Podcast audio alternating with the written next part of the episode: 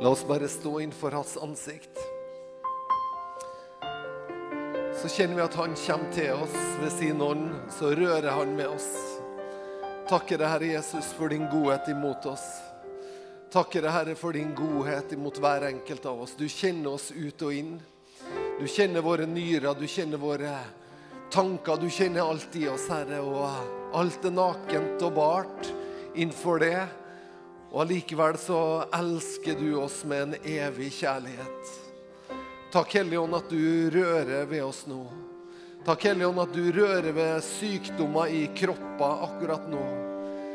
Vi står, det er ikke styrken i sangen, det er ikke heftigheten i, i samlinga av antall mennesker, men vi er innenfor det, Herre, og vi vet at du er her midt iblant oss, og du rører ved oss, Herre. Takker deg for det. Takker for at du rører ved noen som er her i dag, som har problemer med fluks, problemer med sure oppstøt. Takker deg, Hellige Ånd, at du rører ved, ved den plagen, og at det opphører i Jesu navn. Jeg takker for dem som sliter med hodepine og tette bihuler. At det bare åpner seg opp i Jesu Kristi navn. Jeg takker deg, Herre Jesus, for eh, langvarig kløe, langvarig psoriasis eller eksem, Herre. Takk, Herre, at du tar det liv over den, den huden i Jesu navn. Vi takker deg, Herre, for ditt nærvær. Vi feirer gudstjeneste innenfor ditt ansikt. Vi feirer at vi som mennesker får lov å komme inn for det, og at vi får lov å være kalt ved ditt navn. Takk at du er den som tilgir all vår synd, og som helbreder alle våre sykdommer. Takk for ditt nærvær over livet vår. I Jesu navn. I Jesu navn. Amen.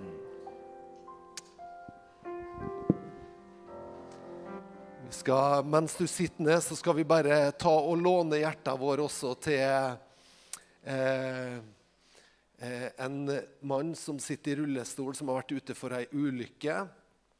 Mange av dere kjenner til en Einar.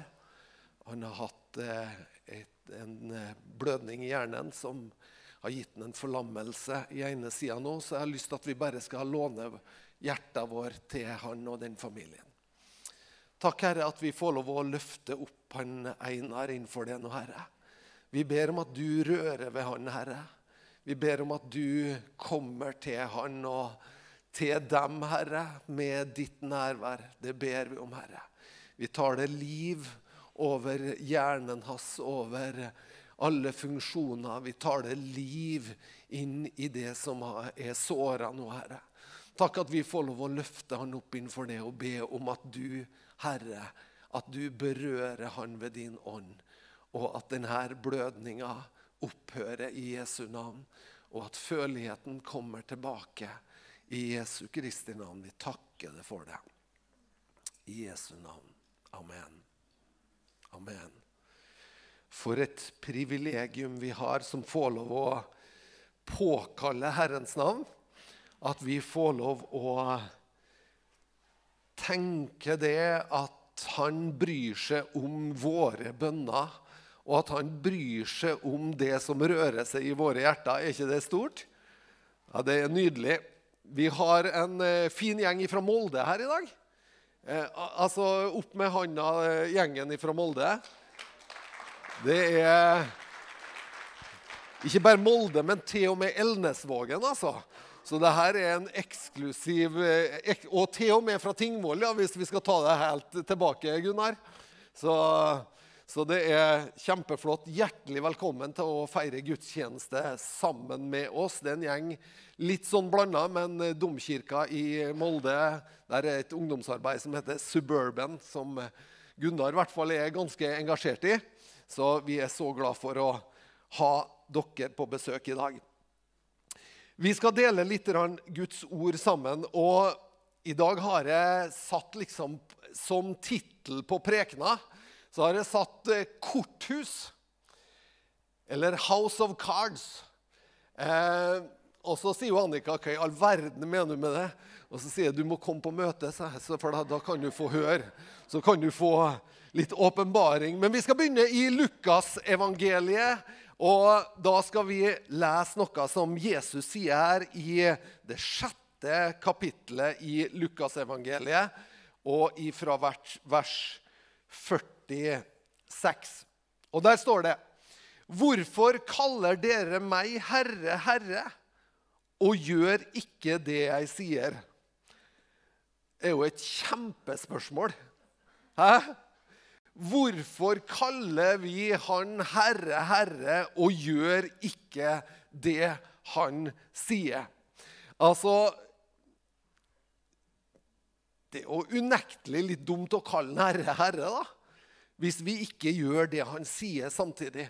Så det er et stort spørsmål, men så sier Jesus videre.: Vær den som kommer til meg og hører mine ord og gjør etter dem. Jeg skal vise dere hvem han er lik. Han er lik et menneske som bygde et hus, gravde dypt og la grunnmuren på fjellet. Da vannflommen steg og vannstrømmen brøt voldsomt mot huset, kunne den ikke rokke det. For det var grunnlagt på fjellklippen. Men den som hører og ikke gjør etter det han hører, er lik et menneske som bygde et hus på jorden uten grunnvoll. Vannstrømmene brøt eh, voldsomt mot det, og straks falt det. Og dette husets fall var stort. Vi er slettes ikke nødt å kalle Jesus for Herre. Vi tvinges på ingen måte til å si at han er herre i våre liv.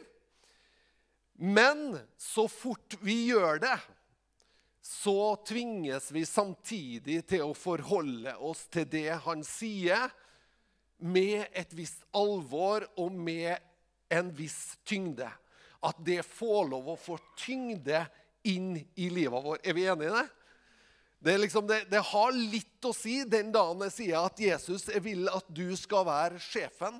Da sier jeg samtidig det at eh, jeg vil at du skal ha det siste ordet inn i mitt liv. Vi så også For et par søndager siden så, så vi på det at gudsfrykt, det å frykte Gud, det er jo det er kanskje det er et litt rart ord. Eh, og det er lett for oss å tenke at det har med at vi er redd Han. Men jeg tror at eh, gudsfrykt kan forstås i det at vi spør Han til råds først. Da er vi gudfryktige. Da, måte, da betyr det noe hva han mener, når vi våger å spørre han først. At vi liksom ikke går til alle kompisene for å høre hva de mener først, men at vi går til han først, og så spør vi hva er din mening med saken. Jeg tror at eh, vi lever i et eh, etterkristent samfunn. Vi lever i et samfunn som er, har på en måte vært gjennomkristna, og så mye av det som eh, samfunnet vårt står for, og samfunnet vårt er, er basert på den kristne tro. Vi har våre lovverk, vi har våre, vår grunnlov, vi har alt på en måte. Vi bygger det her samfunnet på. Det er fundert på den kristne tro. Eh, vårt, våre lovprinsipper bygger på de samme prinsipper som Gud åpenbarte for Moses i en ørken for 3500 år siden. Så det vil si altså at det vi bygger våre, eh, vårt samfunn på, går langt tilbake og har lange tradisjoner. Og har også lange eh, historiske røtter. Så det du og jeg er en del av når vi har teppa inn i den kristne tro, når vi sier at det her er faktisk noe som jeg setter min lit til, så er det faktisk sånn at det jeg setter min lit til, har lange, lange tradisjoner, og det går langt tilbake i tid. Det er ikke noe som er funnet opp de siste 20 åra, eller noe som er kommet på de siste En liten sånn trend eller bølge som har kommet i det siste. Men faren er allikevel, når vi på en måte er bærere av den tradisjonen, så er det allikevel faren at det som kanskje en gang var åpenbaring om Gud, det som kanskje en gang var bygd som noe som i et samfunn skulle ære og bringe herlighet og ære til Gud, det har blitt tomt. Det har blitt tomme ord. Det har blitt litt sånn innhult. Det har blitt litt sånn Det bærer ikke noe særlig klangbunn lenger. Og da er faren for at det vi bygger vårt samfunn på, ikke lenger er med tyngde, med vekt og med på en måte en historisk bakgrunn som, som på en måte bærer den framover. Isteden så blir det tomme ord, og så blir det tomme floskler. Og så bygger vi kanskje et samfunn som er bygd som et korthus. Det ser imponerende ut, det ser bra ut, men når vi begynner å pirke borti det, så raser det sammen. Det er en utfordring for oss om det er sånn at historien viser oss at måte det har vært mulig å bygge på den kristne tro. Og så er vi nå i historisk, en historisk posisjon eller en historisk del av tida der egentlig så bygger vi ikke lenger samfunnet vårt på de grunnvollene som har makt til å bære det her samfunnet. Det er kanskje en dyster diagnose. Det er muligvis en dyster diagnose. Det er muligvis en negativ tanke om samfunnet vårt. Men vi trenger ikke å gå langt for å gjøre en samfunnsanalyse som hjelper oss å forstå. Det letteste vi gjør, det er å gå til underholdningsverden og vår eh, Hva er det vi som nasjon lar underholde oss? Hvis, den, hvis det som underholde oss, dvs. Si det vi sitter på lørdagskvelder og flirer av, eller det vi, på en måte musikken vi lytter til, det som betjener oss eller sånt. Nå sier ikke det her liksom for at du skal ha dårlig samvittighet for at du så på TV i går. Men jeg stiller allikevel spørsmålet er det en klangbunn av noe som bringer ære til Gud. Er det en klangbunn av noe som virkelig ønsker å bringe herlighet tilbake til Han? Er det en klangbunn av noe som ønsker å si 'Gud, du har skapt oss. Vi er takknemlige'? Og så er det noen som så på TV i går, og så tenker de ja, det var noe hint av det. Det var noen eh, touch av det.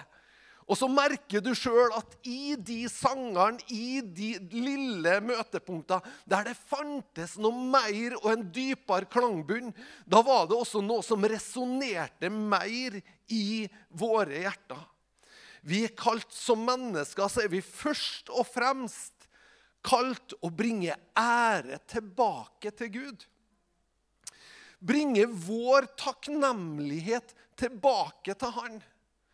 Men vi står i fare for som samfunn, som familier, som enkeltindivider, så står vi i fare for å bygge tomme skall.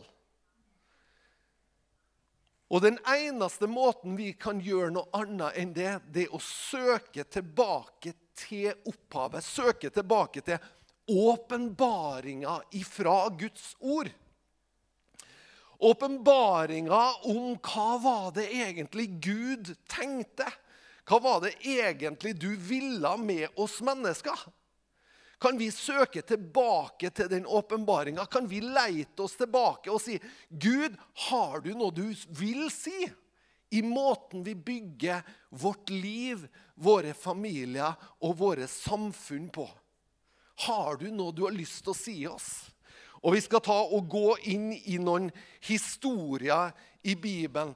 For Bibelen er full av sånne historier. De er full av historier der det fins et folk som glemmer denne boka, som glemmer de her instruksjonene for livet, som glemmer å bringe ære til Gud. Og så ser vi gang på gang hvordan det fører til at folket får det dårlig, at urettferdigheten begynner å råde, og at ting går på tverka i et samfunn.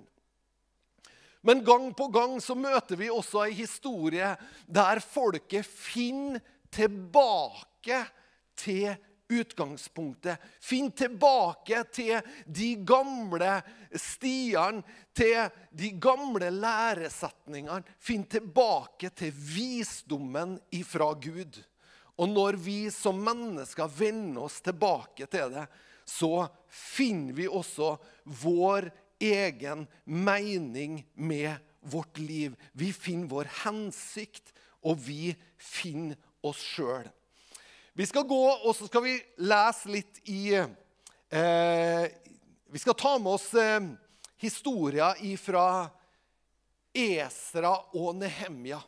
Esra og Nehemja er to bøker i Det gamle testamentet. og det er egentlig, De er ganske sånn sammenspunnet. så uh, Før i tida så gikk de også under første og andre Esras bok. Så det er litt uh, forskjellig hvordan de her har vært gitt navn men eh, de henger ganske tett i hop. Og de eh, forteller oss ei historie eh, hvor det, det, skjer en åndelig oppvåkning. Det skjer en åndelig oppvåkning. Og det fins flere sånne tilfeller som det står beskrevet om i Det gamle testamentet. Det står bl.a. om Enok, at han var en mann som vandra med Gud. Og det, vi har all grunn til å tro at han også underviste folk i Guds ord. Og at han underviste folk i Guds rettferdighet. Det samme har vi grunn til å tro om Abraham. At han også, når det står at han var rettferdig, så har vi grunn til å tro at han underviste i rettferdighet. Han underviste hvordan vi skulle leve med hverandre, hvordan vi skulle ta hånd om enken, den farløse og den fremmede. Hvordan vi skulle være rundhånda og ta imot den trengende iblant oss. Vi har all grunn til å tro at det samme fantes over Abraham sitt liv. Og så møter vi her, denne historien som utspiller seg i Esras og Nehemjas bok. Og her handler det om et samfunn som reformeres. Det handler om å finne tilbake til noe som har gått tapt. Det handler om å våge å leite. Kanskje ikke i det heftigste. Kanskje ikke det mest nymoderne men våge å leite og søke åpenbaring hos Gud. Og søke etter hans sine sannheter. Visdommen som har gått tapt. Og så handler Esras bok om en skriftlærd som hadde evnen til å få ordet fram til folket. Vi skal lese, vi kan begynne i Nehemjas bok, i det åttende åttende kapittelet i Nehemia. Der står det I det fjerde verset så står det her, her, har de jo altså Nå har de drevet og bygd opp igjen eh, De har drevet og bygd opp igjen muren i, i rundt Jerusalem. Og så står det at når de hadde bygd opp igjen muren, så bygde de samtidig ei plattform for Guds ord. Esra den skriftlærde sto på en plattform av tre som de hadde lagd for ordet. Og det skjønner vi at når vi er kommet så langt som folk at vi lager en plattform for ordet, da er vi på sporet. Da har, da har vi skjønt noe. Vi skjønner at vi må bygge opp igjen en plattform ordet, for ordet, sånn at vi setter ordet i den posisjonen det skal ha. Sånn at ordet får lov å tale til oss.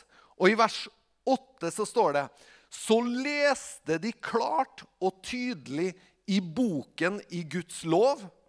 De forklarte og veiledet dem til å forstå det de leste. Nehemja, som var stattholder, og Esra, presten, den skriftlærde.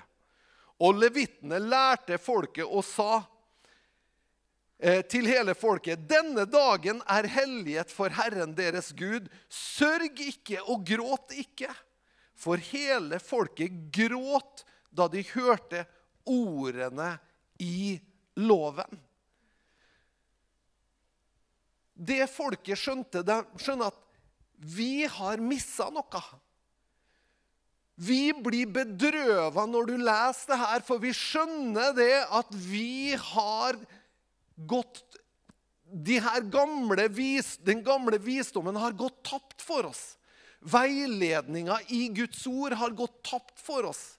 Vi har latt oss lure, vi har sluppet taket. Vi har ikke tatt vare på det Gud har betrodd oss.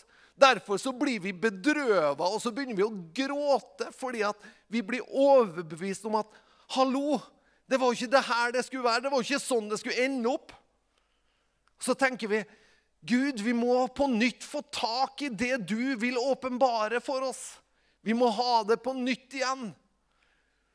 Vi blir overbevist når vi møter det igjen, og så sier vi, 'Gud, hva har vi bygd på?' Hvilket korthus har vi bygd når du kalte oss til å bygge noe der din herlighet kunne bo? Så bygde vi noe som var tomt, innhårt, og som bare blåser ned.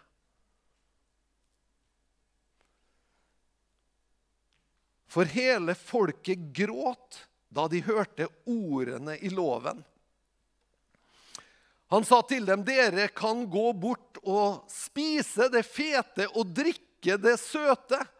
'Men send også retter til dem som det ikke er gjort noen ting i stand for.' 'For denne dagen er hellighet vår Herre.' 'Sørg ikke, for gleden i Herren er deres styrke.' Nehemja og Esra proklamerer at vi skal ikke sørge. Ja, det fins en bedrøvelse fordi at vi skjønner at ting har gått tapt. Men allikevel fins det en glede over at vi finner tilbake. Vi finner tilbake til hungeren, til lengselen etter åpenbaringa fra Guds ord. Kjære venner, Guds ord er levende og virksomt. Og det er skarpere enn noe tveegga sverd. Det virker i våre liv. Det kløver. Det står at det kløver som et sverd. Så kløver det å skille mellom mitt hjertets råd og tanker. Det har en evne til å gå på djupet i mitt liv og skape et skille mellom det sjeliske og det åndelige for å hjelpe med å finne fram til Guds tanker. Guds ord er levende og virksomt. Og vi kan ta del av åpenbaringa i Guds ord. Men vi trenger en hunger og en lengsel etter, sånn at vi sier Hva står det egentlig i de gamle skriftene? Hva står det egentlig? Er, hvilken åpenbaring er det? Eller så blir vi et lett bytte for vår tid og hva vår tid synes, mener om alt mulig. Vi merker på oss sjøl de gangene vi blir grunn i forståelsen av Guds ord. Vi merker sjøl de gangene vi på en måte leiter mer i hva folk synes, enn i Gud, hva tenker du? så lengter vi mer på en måte etter noen lettvinte løsninger. Jeg tror det er tid for å våkne opp. Og det står om, om dem i Berøa så står det om dem i Berøa at de hadde et edlere sinn. står det. For de, de ransaka Skriftene om det forholdt seg sånn som apostlene sa. Vi trenger det, kjære venner. Vi trenger en kjærlighet til Guds ord. Det vil si at vet du, ordet holder oss på sporet. Ordet er det som er lede, ledetråden vår. Det er der lyset er. Jesus han knytter seg alltid opp imot sitt ord. For han er ordet som ble kjøtt og tok bolig iblant oss. Så vi trenger en vekkelse på ordet der vi begynner å tygge Guds ord. Der vi begynner å ta det til oss. Der det ikke er liksom den seneste trenden. Du skjønner at Om vi så sier at ja, men samfunnet bygger noe som er tomt Men vi står i fare for det som kirke også, å bygge noe som er tomt. Vi bygger på noe som er bare den siste kristentrenden. da. Er ikke det like mye et korthus? hvis ikke tyngden får lov å være i Guds ord. Åpenbaringa ifra Guds ord. Åpenbaringa som gir oss lys. Og så står det videre i vers 13 der står det at familieoverhodene Nehemia 8, 13, I hele folket samlet seg dagen etter hos Esra, den skriftlærde, sammen med prestene og levitene for å få mer forståelse i ordene i loven. Vi samla oss for å få mer forståelse. Hvis vi går tilbake til Esras bok, skal vi lese litt der også ifra det første kapitlet i Esras bok. Og Der står det ifra vers 1, 1 og 2 leser vi først. I det første året til perserkongen Kyros vakte Herren kongens ånd for at Herrens ord ved Jeremias munn skulle gå i oppfyllelse. Derfor sendte han ut en kunngjøring for hele riket sitt. Han skrev den også ned og sa, 'Dette sier Kyros, Persias konge.' Herren Himmelens Gud har gitt meg alle jordens kongeriker. Han har befalt meg å bygge et hus for ham i Jerusalem. Så kong Kyros, en hedningkonge, får en befaling om å bygge et hus for himmelens Gud. Hvorfor? Jo, fordi at der skal ordet bo. Der skal ordet bo. Der skal hovedsetet for rettledning, for visdom, kunnskap og innsikt. Så står det videre i vers 5.: Overhodene for fedrene i Juda og Benjamin, prestene og levitene sammen med hver den som var vakt av Gud i sin ånd. Kan Gud få lov å vekke oss i vår ånd? kan Gud få lov å komme til oss og riste oss litt løs og si det 'Hallo, Erlend! Hallo, Erlend! Er det du bygger, er det høy strå og halm, eller er det gull, sølv og edelstener? Bygger vi noe i livet vår som er varig, og som står sin prøve, eller bygger vi bare tomhet? Er det hele bare et korthus? Eller er det noe som har varig frukt med seg? Erlend, det her var heftig, altså. Det her var heftig, Erlend. Jeg tror at Gud ønsker å gi oss åpenbaring. Jeg tror at Gud ønsker å dele med seg av sine gode, goder til, til oss. Jeg tror han ønsker å vekke oss i vår ånd. Sånn at vi ikke sløves ned og blir likegyldige, sånn at vi ikke godtar at vi bare glir inn i et mønster. Men sånn at vi vekkes i vår ånd i en lengsel etter å forstå Gud. Hva mener du? Ikke bare en hard forståelse av en sannhet, men en hjertens åpenbaring om Guds veier for mennesker som leiter i mørket. og som opplever at de veiledes av blinde veiledere. De gjorde seg klar til å dra opp og bygge Herrens hus i Jerusalem. Alle som bodde der, skaffa dem verdisaker av sølv og gull med gods og buskap og kostbare ting, i tillegg til alt det andre som ble ofra. Det var vakt en lengsel. Det var vakt en hunger. Det var vakt en iver etter Guds ord. Og hva er Guds ord? Hvis du går sammen med meg til Jakobs brev. Jakobs brev. Og der står det i det første kapitlet. Henger du på meg ennå? Du er her i hvert fall. Du er til stede. Ok? Jakobs brev, der står det i det første kapitlet, vers 21. Legg derfor av all urenhet og alt utslag av ondskap, og ta ydmykt imot ordet som er innplanta i dere, og som har kraft til å frelse deres sjeler. Vær ordets gjørere, og ikke bare hørere som bedrar seg sjøl. For om noen bare hører ordet og ikke gjør etter det, da er en lik en mann som ser sitt naturlige ansikt i et speil. Han ser på seg sjøl, går bort og glemmer straks hvordan han så ut.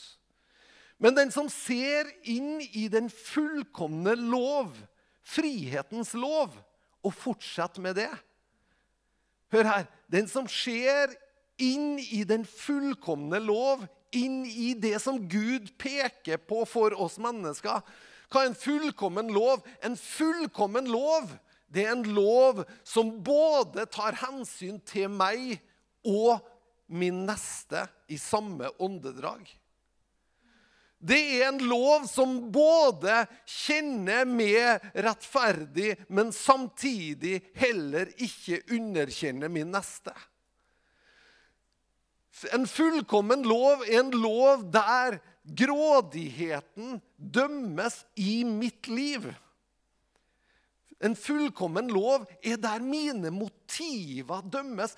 Den fullkomne lov, Guds lov, trenger vi. Vi hører til en bortkommen menneskehet. Vi står på randen til krig i Europa. Fordi vi har, vi har mista Guds fullkomne lov av syne.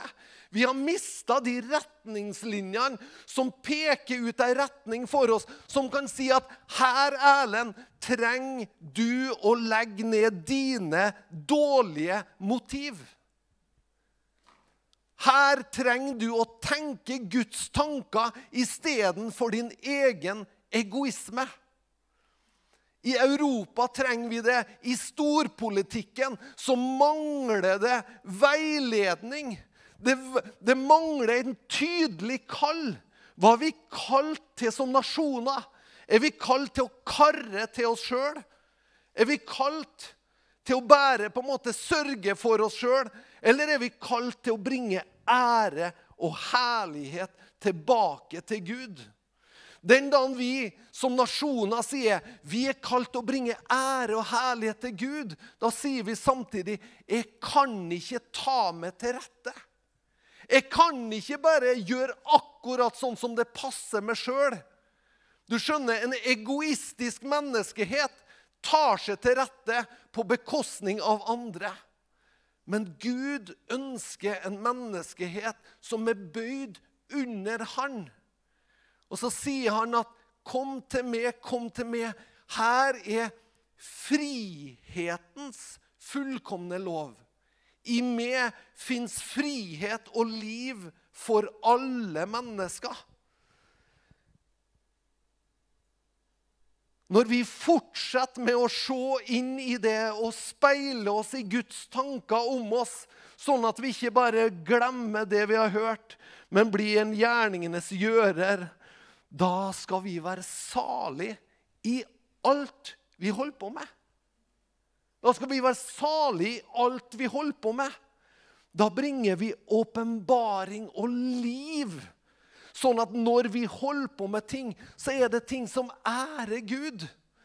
Våre relasjoner ærer Gud. Måten du møter naboen din og din neste, det ærer Gud.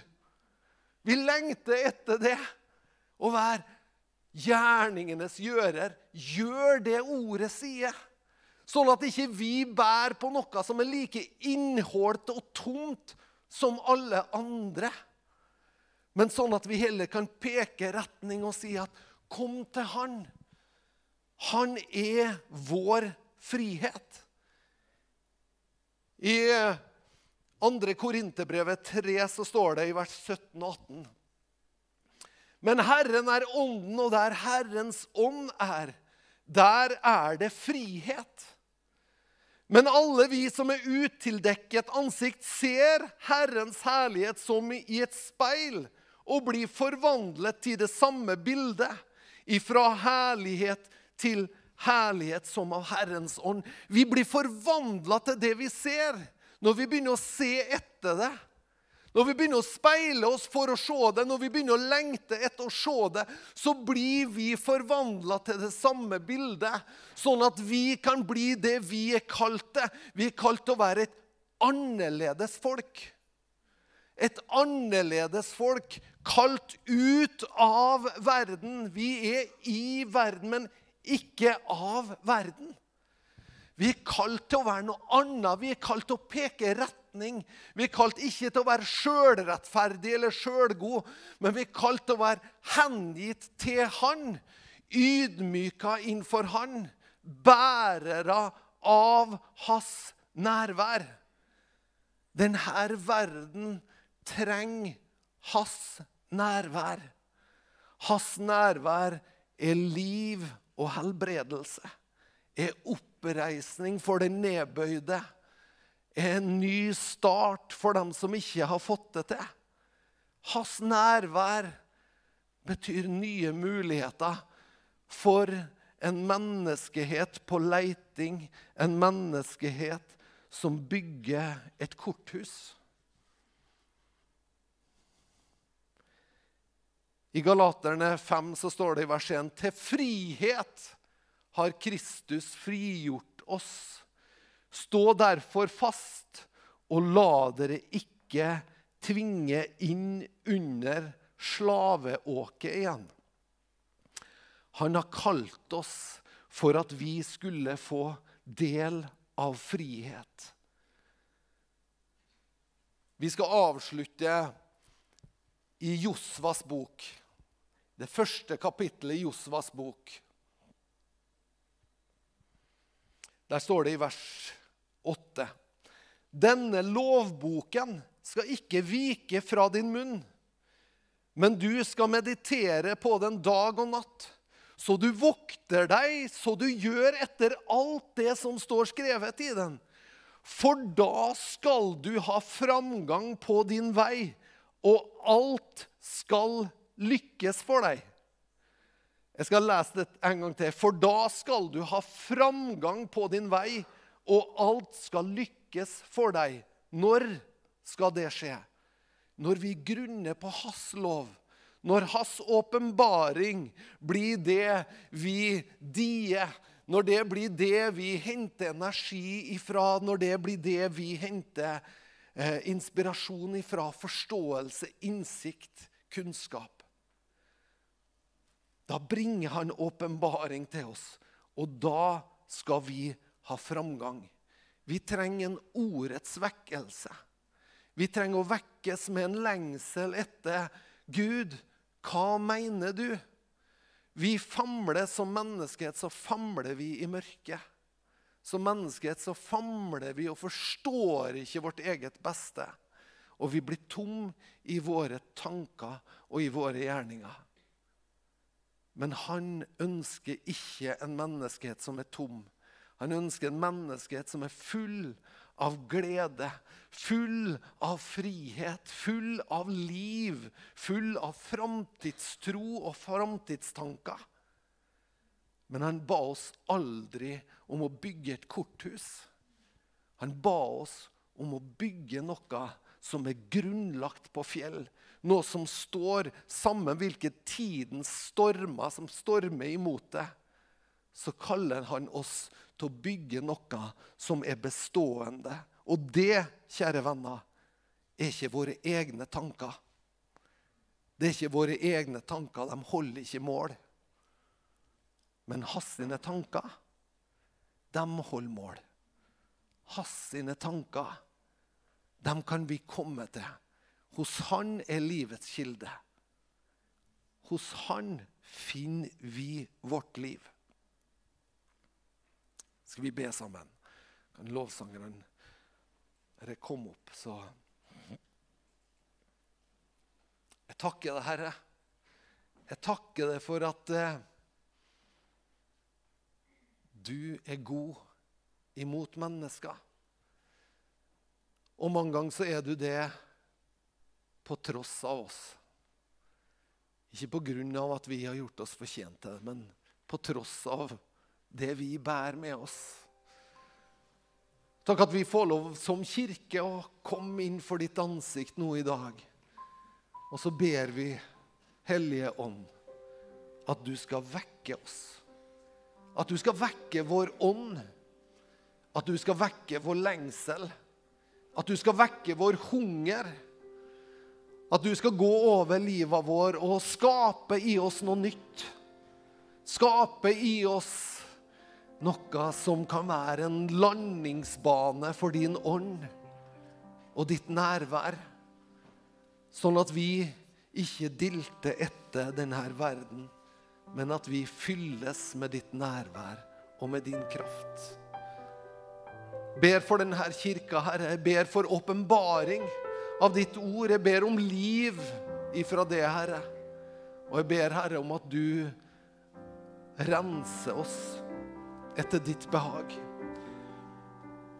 Jeg ber om at du skal levendegjøre ordet ditt, og at du ved din ånd At du ved din ånd skal tenne oss i brann. Det ber vi om, Herre. I Jesu Kristi navn. Jeg takker for hver enkelt som er her i dag. Og jeg takker for dine gode tanker for hver enkelt. Takk at du ikke har tanker til nederlag. Du har ikke tanker som er til ulykke eller er til disbehag. Men du har tanker til framtid og håp for hver enkelt. Takk at vi får lov å komme til det. At vi får lov å legge våre liv ned innenfor ditt ansikt. Ta imot oss, Herre, i Jesu Kristi navn. Amen i Jesu navn.